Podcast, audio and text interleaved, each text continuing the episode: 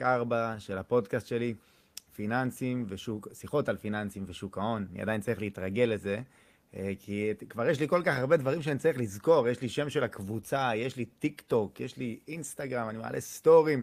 אני כבר בכל דבר ודבר שאני נמצא, אני כבר אה, באמת צריך להבין איפה אני קורא לעצמי בכל מקום. אז אני מקווה שלפחות השם של הפודקאסט שלי אני זוכר, שזה... אה, שיחות על פיננסים ושוק ההון. אה, אז נעים מאוד, מי שלא מכיר אותי, אני נועם אדר. אז אה, ברוכה הבאה, זה פרק 4 שלנו בפודקאסט. אתם יודעים, זה מצחיק כמה פעמים דחיתי את ההתחלה של הפודקאסט, כאילו, כל הזמן הייתי אומר לעצמי, כן, תכף אני אתחיל פודקאסט, תכף אני אתחיל פודקאסט, תכף אני אתחיל פודקאסט, אבל ברגע שאתה מתחיל, אתה כבר לא מפסיק, וזה היופי. בגלל זה גם אה, אני מאוד מסכים עם דברים שאומרים, קודם כל לגבי האויב הכי גדול של הטוב מאוד הוא המצוין. שזה שבדרך כלל אתה מחפש את ה... להגיע למצוין, אז אתה בכלל לא מתחיל את הדרך. אתה כל הזמן אומר, אה, זה לא מספיק טוב, זה לא מספיק טוב, אני לא אתחיל. אה, אבל במקרה הזה, אתה פשוט צריך לעשות את הצעד הראשון. אני אומר לכם, אני זוכר שאני הקמתי את הקבוצה, הדבר שחיכיתי לו כל הזמן, את הקבוצה שלי, פיננסים, השקעות ושוק ההון, יחד בונים עתיד, אה, שכרגע זה ב live בקבוצה, אבל מי שישמע את זה בפודקאסט, אז אולי הוא לא יודע. אז כשהקמתי את הקבוצה, זה היה ביוני שנה שעברה בקורונה. והדבר הראשון שחיכיתי לו, כי אז עוד לא הייתי כותב, הייתי רק מצלם את הסרטונים, אז הייתי אומר לעצמי, טוב, אני צריך ללכת יום אחד אה, ל-WeWork, לקחת משרד ופשוט להתחיל לצלם אה, סרטונים. וככה זה הכל התחיל, התחיל בזה שבאמת דחיתי, דחיתי, עד שיום אחד באתי ל-WeWork, צילמתי, לא יודע, איזה עשרה סרטונים במכה, התחלתי לעלות ליוטיוב, במקביל לפייסבוק, וככה הכל התגלגל. ואז זה עבר לכתב, אז והיום אנחנו כבר אם אתם תסתכלו עכשיו, אתם תראו שאנחנו עם 5,999 חברים בקבוצה, כלומר הבא הוא יהיה ה-6,000 אה, בעזרת השם ובעזרת האלגוריתם של פייסבוק. אה, אז על מה אנחנו הולכים לדבר היום? בעקבות הפוסט שלי מלפני שבוע וחצי, שבו דיברתי על, אה, על, על איך להתמודד עם משברים בשוק ההון, אוקיי? על זה שאני מרגיש שמשהו לא בסדר בשוק וכביכול הולכת להגיע איזושהי ירידה או איזו מפלה או איזושהי מכה הולכת להגיע לשוק.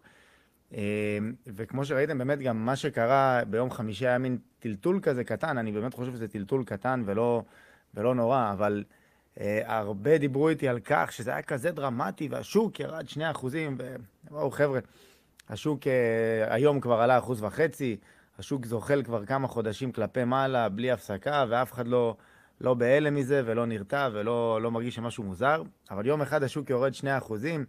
וכולם מוציאים את השכפ"צים ונבהלים, ו... ואני מקבל הודעות של מה קורה ולמה ואיך. ו... חבר'ה, אז באמת היום אנחנו נדבר על איך אנחנו מתמודדים עם מצב של ירידות בשוק ההון, או משבר שיגיע, כנראה שיגיע מתישהו. יכול להמשיך, אגב, שנים ככה, כן? כי אני זוכר שבאיזה 2012, כשכבר הייתי איזה שנה, שנתיים, הייתי מנהל תיקים קצת, שלי ושל משפחה, והייתי מתחיל לקרוא כל הזמן בדה מרקר וכאלה על כל מיני גורים מכל העולם של הנה המשבר עוד רגע מגיע ועוד רגע אנחנו הולכים לחזות בהתרסקות השוק כמו שמעולם לא ראו. אמ, אז אני יכול להגיד לכם שאני זוכר את אותן כתבות, אמרנו 2012, כן, ב-2011 באמת היה איזשהו משברון בשוק, בגלל, אה, בעיקר בארץ, אה, אבל גם בשאר המקומות בעולם, אבל בעיקר בארץ בגלל המחאה החברתית. אה, אבל מהר מאוד חזרנו למגמת עלייה שהמשיכה, המשיכה, המשיכה עד שנת 2018, שבה באמת ראינו איזושהי אה, מכה בכנף. אה, אני לא מדבר איתכם על זה שהיו טייקונים שנפלו בדרך, כמו פישמן, כמו זיסר וכאלה. הם, זה זמנם היה קצוב בין כה. אז איך אנחנו באמת היינו רוצים להתמודד עם מצב כזה של ירידות בשוק ההון, ו- ואני רוצה לחלק את התשובה לשתיים. אגב, קודם כל, אני יכול כבר עכשיו ככה לתת לכם איזשהו טיזר. על כך שאני ועוד חבר טוב שלי, אה, שגם לו יש איזשהו קורס שעוסק דווקא בהשקעות פסיביות יותר, אה, הולכים להעביר debate אה, ביני לבינו על מה עדיף, השקעה אקטיבית או השקעה פסיבית. אני בטוח שזה יהיה מאוד מאוד מעניין. גם המנחה שהולך להיות לנו הוא מאוד מאוד מעניין. אנחנו בדיוק עובדים על, ה, על התכנים, על השאלות, אפילו על התמונות. אני בטוח, וזה יהיה ממש ממש לקראת אה, תחילת אוגוסט. אני מבטיח לכם שזה יהיה סופר מעניין. אני אישית באמת חושב שזה תוכן כל כך איכותי שלא לא תמיד רואים ברשת, כן? אני יודע, אתם שומעים אותי מדבר על מוכרי החלומות כל הזמן לאחרונה, שאני נורא נהנה לעקוב אחריהם באינסטגרם, כי זה משעשע אותי, מה לעשות? אני, מאוד משעשע אותי לראות שמישהו לוקח מתנה שהוא רוצה להביא לרוכשי הקורס שלו ושם אותה על ערימת שטרות. כאילו, כן, ככה, ככה בני אדם מתנהלים, ככה השירים מתנהלים. חבר'ה, אני יכול להגיד לכם משהו לגבי השירים, אגב. השירים, אלה האמיתיים ועם השכל, הם מצניעים את היותם עשירים ולא, ולא מרעיפים את זה לכל עבר ולא, מציא, ולא מציגים את זה לכל עבר. אוקיי, ואני יכול להגיד לכם, תאמינו לי, עם כל הכסף שאני עושה ממכירת אה, קורסים או דברים דומים שאני מכניס, לעולם לא תראו אותי מתרברב בסכומים כאלה או אחרים. אה, קודם כל, אני חושב ש... אה, לא אם רוצה שתשאר צנוע. ככל שאתה, כל פעם שאתה מרים את הראש אה, לכיוון הגאוותנות, אז אתה מקבל איזושהי מכה. אז עדיף להישאר צנוע, בטח בטח זה קשור לכסף שלכם ולדברים טובים. אם קוראים לכם דברים טובים, יכולים לספר לקרובים, אבל לבוא ולעשות מזה איזה show-off אחד גדול, לדעתי זה טמטום ש, שלא ראיתי הרבה זמן, אבל אה, תשמעו, בשביל זה קיים, בשביל זה האינטרנט קיים ובשביל זה הרשת קיימת. ועכשיו שאני, שיש לי גם ערוץ טיק טוק אגב, שבו התוכן צריך לעבור מאוד מהר, כי אחרת מילניאלס אה, אה, לא יעצרו ובאמת יקשיבו לכל הדברים שלי, ואתם יודעים שאני יכול לדבר הרבה. אז אני צריך ממש לרכז הכל ל-15 שניות. אז uh, אני רואה שם תכנים, אגב, אני חייב להגיד שהטיקטוק זה אחלה אפליקציה, כן? מצד אחד יש לך שם אחלה תכנים, מצד שני דברים כל כך טיפשיים, אבל uh, באמת, ת, קודם כל תנסו, אחרי זה תחליטו אם זה בשבילכם או לא. אבל מה שכן, אם אתם מורידים, תחפשו אותי, אני גם שם נמצא. Um, אז כמו שאמרתי, יש לנו ה, על הפרק גם את הנושא הזה של ה debate, אה, לגבי אקטיבי אל מול פסיבי. אה, אני יכול להגיד לכם שאני אישית עובד על עוד כמה דברים, כי אני משתדל תמיד להיות בעשייה ותמיד לה, אה, לחפש לאן אנחנו ממשיכים לצמוח ולאן להגדיל את הקבוצה ולאן להגדיל את הקהילה. אה, אז יכול להיות שגם בקרוב תקבלו ממני עוד פעם איזה מייל או איזה הודעה על איזשהו מיני קורס חינמי שיהיה דווקא בשלושה פרקים. לא בסגנון של ירון זליכה, כן? אני לא חושב שאני יותר חכם מכל העולם, אז אני מוציא איזה קורס עם מישהו אחר, אלא משהו יותר כזה, אה, משהו יותר כזה באמת למתחילים בשוק ההון, שאפשר להתגלגל איתו, ולאו דווקא משהו אה, בומבסטי, באמת משהו שיותר ידבר למי ששוק ההון אה, באמת זר לו, וקשה לו להתחיל עכשיו עם השקעות ערך ישר, אלא צריך יותר את הטבילת מים הראשונית הזאת. אז קודם כל בואו נדבר על הנושא הזה של, שאיך אנחנו מתמודדים עם זמני משבר. אני אתחיל מהצד היותר פשוט, שזה הצד של השקעות פסיביות. עכשיו, כשאני מדבר על השקעות פסיביות, אני מדבר גם על אופי של בן אדם. אוקיי? יש אנשים שבאמת מאוד מעניין אותם לתמחר מניה, לחקור אותה אה, ולבחון האם אה, החברה הזאת שווה השקעה ולרוץ איתה לטווח ארוך. אה, זה, זה אומר באמת לשבת, לחקור, לנתח, לתמחר, סבלנות, בדיקה והרבה עבודה שהיא לא מתאימה לכל אחד. אגב, אם אתם בעלי הון, אוקיי? בדרך כלל דווקא אנשים באמת עם הרבה הון, אנשים עשירים, לא, לא מעניין אותם, רוצים להשקיע את הכסף, הם גם מוכנים לשלם על זה, אבל לא מעניין, אפילו לא מעניין אותם uh, לעשות את תשואת המדד, הם לא צריכים את התשואה של המדד. תנו להם לעשות 6% זה בסדר.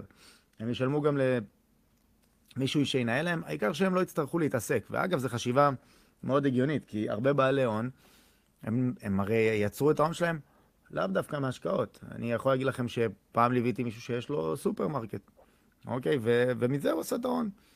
אז הוא לא מתעשר מ, אה, מהשקעות כאלה ואחרות, פשוט יודע לייצר רווח מאוד יפה מסופרמרקט או מרשת סופרים קטנה, ובסוף זה מה שהוא רוצה לעשות. אז את הכסף שהוא חוסך הוא רוצה להשקיע, אבל לא חשוב לו דווקא אה, עכשיו לעשות 20, 30, 40 אחוז. מספיק לו צורת המדד, יכול להיות שאפילו מספיק לו 5-6 אחוזים, והעיקר שהכסף יעבוד והוא לא יצטרך לשבור את הראש ולהסתכן. אה, אז לכן, אני אומר, כשאנחנו מדברים על השקעה פסיבית, כמובן נדבר על לא רק תעודות סל עוקבות מדד, למרות שיש שיגידו שזו הדרך היחידה להגדיר אה, השקעה פסיבית.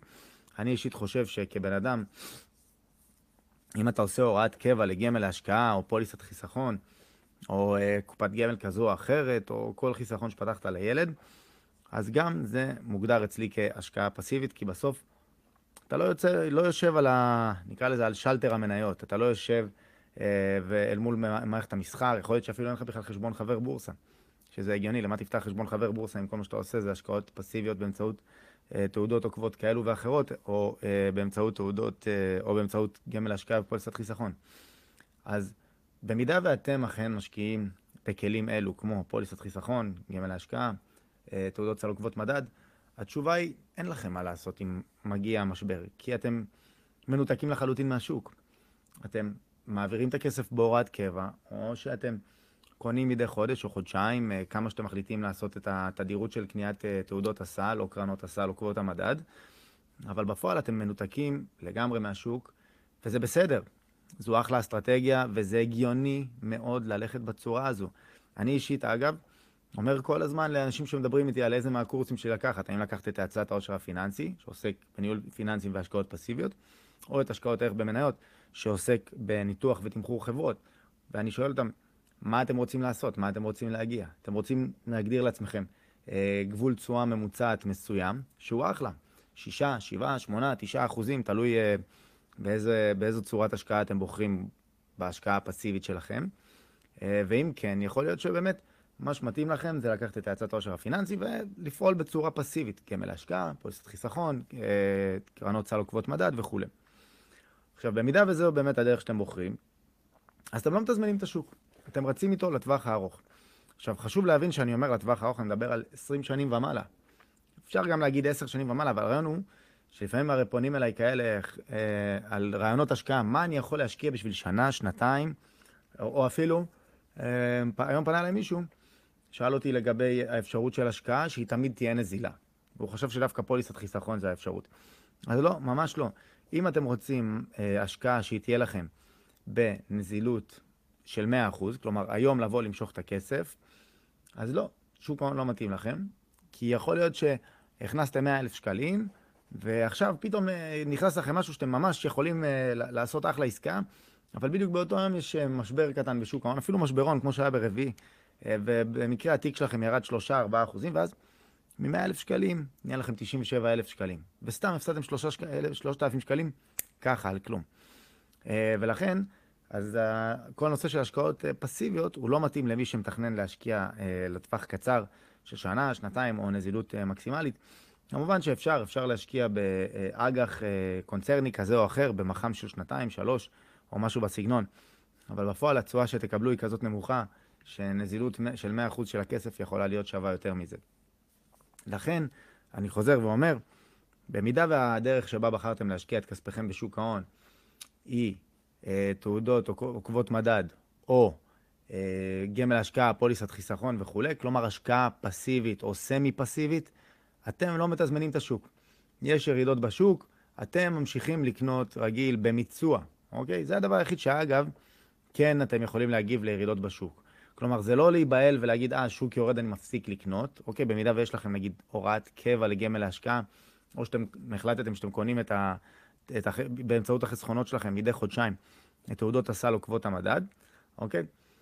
אה, אז במידה והחלטתם כל חודשיים ויש משבר בשוק ההון, אז אתם עדיין ממשיכים לקנות כל חודשיים. ואז יצא טוב, יצא כל פעם שאתם קונים בזול יותר וזול יותר וזול יותר, ועם הזמן שהתיק יעלה ולאורך השנים, אז המיצוע, מלשון ממוצע, אה, יעבוד לטובתכם. מי שלא מכיר חלק מהמושגים, אגב, יש לכם את ערוץ היוטיוב שלי, יש לכם שם מלא סרטונים על מה זה תעודות צה"ל, מה זה קרנות נאמנות וכולי וכולי. יש לי גם סרטון על מה זה מיצוע. אוקיי, אני פשוט לא רוצה לבזבז את הזמן לחבר'ה שמכירים פה, אבל אני אומר לכם, אה, סרטונים של 5 עד 10 דקות, אה, ואתם לומדים מה זה מיצוע, מה זה קרנות צה"ל, מה זה תעודות צה"ל, שאגב זה פחות או יותר אותו דבר. אה, אבל הרעיון הוא שאתם, אם אתם האנשים שמשקיעים באופן פסיבי, או חצי פסיבי, ומשקיעים לטווח הארוך, אתם לא שוברים את הראש בלנסות לתזמן את השוק. אתם לא מנסים לתפוס אותו למטה, אתם לא מנסים להקדים אותו, אתם זורמים עם שלכם. ממשיכים לקנות, אם יש לכם הוראת קבע, ממשיכים את הוראת הקבע, וככה פועלים בשוק ההון. עכשיו, אחרי שדיברנו על האסטרטגיה שאיתה עובדים משקיעים פסיביים, בואו נדבר רגע על השיטה שאיתה עובדים משקיעים אקטיביים. משקיעים אקטיביים זה יכול להיות אה, סוחרים, זה יכול להיות סוחרי נוסטרו, זה יכול להיות אה, אנשים שהם קוראים לעצמם משקיעים בשוק ההון, אבל בפועל הם אה, מנסים לתפוס כל מיני פינות כאלו ואחרות. זה יכול להיות אגב אה, גמלאים או פנסיונרים או סתם אנשים שפרשו כבר אה, מהעבודה שלהם ויש להם זמן פנוי אז הם משקיעים את רוב הכסף שלהם בצורה פסיבית וחלק מהכסף הם בוחרים לשחק איתו כדי ליצור איזשהו עניין.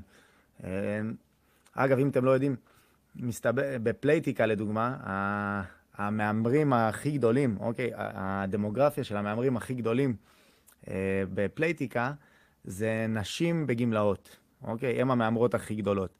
אז בדרך כלל, אם חשבתם זה, אני, אני נגיד זוכר שפעם יצא לדבר עם מישהו מפלייטיקה, אמרתי לו, טוב, זה הימורים, זה בטח תחום מאוד גברי. אמר לי, לא, נשים בגמלאות הם, ה, הקהל הכי, בוא נגיד, שמספק להם את עיקר ההכנסה.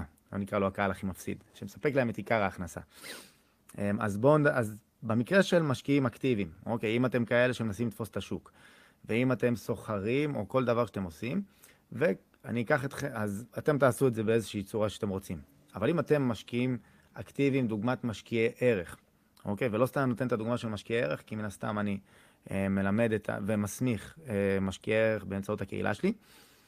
אז משקיעי ערך עובדים בצורה אחרת. הרי כל הקונספט של אה, משקיעי ערך הוא לקנות מניות וחברות שגם ככה מתומחרות מתחת למחיר שלהן בשוק, לפי התמחור שאנחנו עשינו להן. אממה, אם במידה והכנסנו 100% מהכסף, אוקיי? במידה ואנחנו מושקעים 100% ולא נשאר לנו שקל אה, נזיל.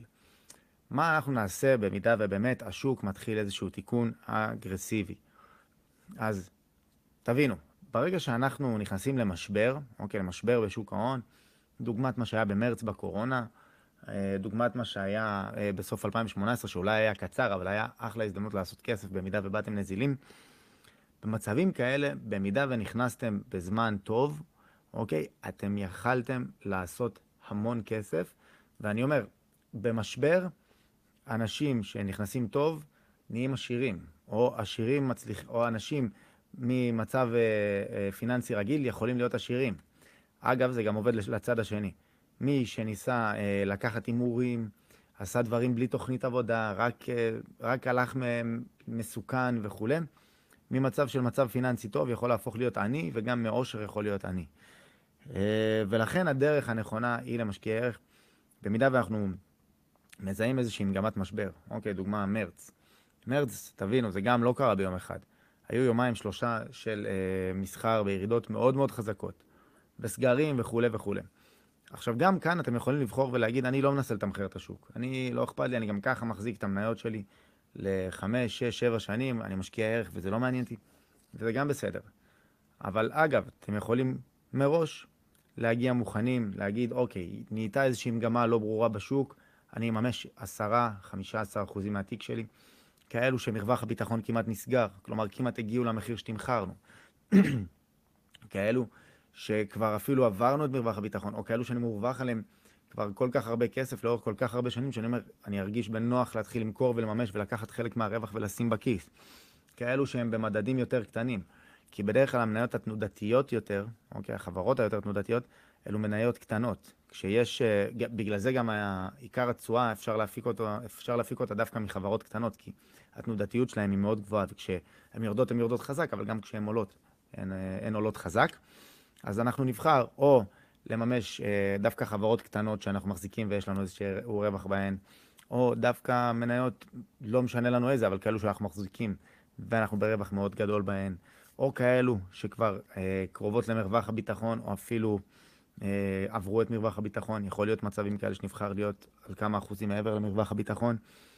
אה, או מה עוד אמרתי לכם, סליחה, אני כבר לא אה, סופר, אה, או מקרים באמת של אה, חברות, סליחה, שאנחנו מזהים כבר מגמה של ירידה בשוק, ואנחנו מראש מתחילים להנזיל את התיק, עשרה אחוזים אולי. אה, זה משהו שאני, הרי ברגע שהעליתי לכם את הפוסט, אה, של אה, אני מרגיש שמשהו לא נוח בשוק, אני כבר הנזלתי את התיק שלי לכיוון, הח... שלי ושל הלקוחות שלי לכיוון ה-15 אחוזים. אה, ומה שקרה ביום רביעי, סליחה, ביום חמישי, הירידות החזקות, אמנם של יום אחד, אבל היו ירידות חזקות, אז לקחתי את הנזיל שלי והלכתי דווקא לחברות שאני גם ככה מחזיק. אה, מי שנמצא בערוץ הסקירות הוא יודע מה אני מדבר, שראיתי שהן ירדו חזק, כמובן שאני יודע שלא קרה להן כלום, כן? אני יודע שהן ירדו חזק, ופשוט קניתי בירידות של חמישה-שישה אחוזים בתוך יומי, מתוך הבנה שפשוט אין איזשהו שינוי מגמה או איזה מהפכה בשוק באופן דרמטי, כן? אה, אגב, כמו שהשוק ירד באותו יום, הוא יכל להמשיך לרדת עוד כמה ימים. אבל בגלל זה גם לא נכנסתי עם כל ה-15%, אלא קניתי מתוך 15%, 50% אה, מהכסף שהיה לי נזיל, עוד 50% השארתי, שבסוף יצא שהיום השוק עלה, לא נכנסתי, הכסף הזה נשאר נזיל, אבל אני בסדר. עכשיו 7.5% מהתיק שלי נזילים, ואני חי עם זה בשלום. כי אה, אני מבחינתי חושב שהשוק יקר ואולי יגיע משהו.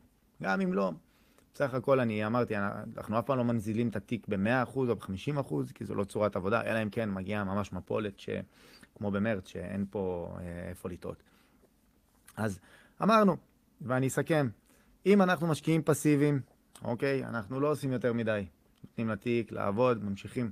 הכי חשוב לא להפסיק את הרכישות אה, והמיצויים שנעשים כל הזמן. אוקיי, לתת להוראת הקבע, פוליסת חיסכון וגמל השקעה, להמשיך לזרום, ואם אנחנו קונים אחת לחודשיים, או אחת לחודש, או אחת לרבעון, את הכסף שחסכנו, וקונים איתו קרנות ותעודות סל, אנחנו ממשיכים באותה מגמה.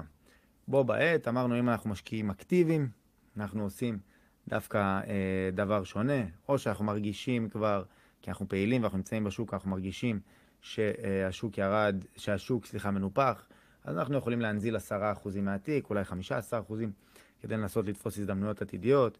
אולי נחכה באמת שיתחילו ירידות ונממש דווקא את המניות שאנחנו מחזיקים, אה, שאנחנו מובכים בהן הרבה, או כאלו שמרווח הביטחון נסגר, או מניות יותר קטנות, כי אנחנו יודע, יודעים שהנפילה, כשהיא באה, היא יותר תנודתית דווקא לחברות הקטנות, פחות לחברות הגדולות, ואל תיתנו לי דוגמאות לפתל, כמו פתל ודלק קבוצה שהתרסקו הכי חזק במרץ, כי אנחנו פה מדברים על חברות שיכלו לפשוט רגל אם הסגרים היו ממשיכים קצת יותר. כן, אנחנו לא מדברים, אנחנו לא היינו קונים מראש חברות כמו פתל או אה, דלק קבוצה, מהסיבה היא שכמשקיעי ערך אנחנו לא אה, קונים מניות שהן אה, בעלי, בעלות חוב כל כך גדול. בו בעת אני יכול להגיד שאני באזור אפריל כן נכנסתי עם, אה, הרי אני משאיר תמיד לפחות 10 עד 20 אחוזים מהתיק שלי לפעולות של יחס סיכוי סיכון, יצא לי לכתוב על זה ולדבר על זה. אז באמת במקרים, במקרים אלו, כשהמגמה השתנתה, אז כן ידעתי לרכב על דלק קבוצה ופתל, דברים שהיום אני לא עושה, כי כרגע אין איזשהו רלי בשווקים, אלא עכשיו דווקא הסיכון הוא אה, יותר גבוה מהסיכוי מאשר באותו, מה שהיה באותו מצב. אז חבר'ה, אני מקווה שהבנתם איך אנחנו פועלים אה, במצב של שוק אקטיבי, אה, במצב של השקעות פסיביות ובמצב של השקעות, אה, השקעות פסיביות, במצב של השקעות אקטיביות. זה תלוי בנו, תלוי בשיטת עבודה שלנו, תלוי במה שמתאים לאופי שלנו, ובכל מקרה אנחנו לא מתנהגים כמו סוחרים ולא מחפשים אה, לחפש איזושהי מגמה בגרף שעכשיו השוק הולך להגיע. ממש לא, אנחנו פועלים אה, בצורה הגיונית בהתאם להחלטה שלנו כמשקיעים. אגב, אנחנו יכולים להיות גם משקיעים שהם לא רק פסיביים או אקטיביים, אלא בעיקר משהו אחד ומשהו שני, אה, אפשר לעשות את זה 50-50, אפשר לעשות את זה 80-20, כל אחד והשיטה שלו. אה, לדעתי, אגב, מי שרוצה אה, הכי קלאסי, זה נגיד לשים 80% פסיבי, ואז 20% להתעסק בשוק בהתאם, שוב, למה שאתם מעדיפים. אני יכול להגיד לכם על עצמי, אני 100% אקטיבי, כי גם אני מנהל את הכסף שלי, גם אני מנהל כסף של אנשים, וגם כי זה החיים שלי, אני לא מסוגל לעשות משהו. מבחינתי, זה מה שאני עושה. אמ, אז אני מקווה שאהבתם, ואתם מוזמנים לשמוע בספוטיפיי, בגוגל פודקאסט, באפל פודקאסט וכל אה, הפלטפורמות האחרות של הפודקאסטים. היה ממש כיף, ואחלה יום, תהנו בגמר היורו.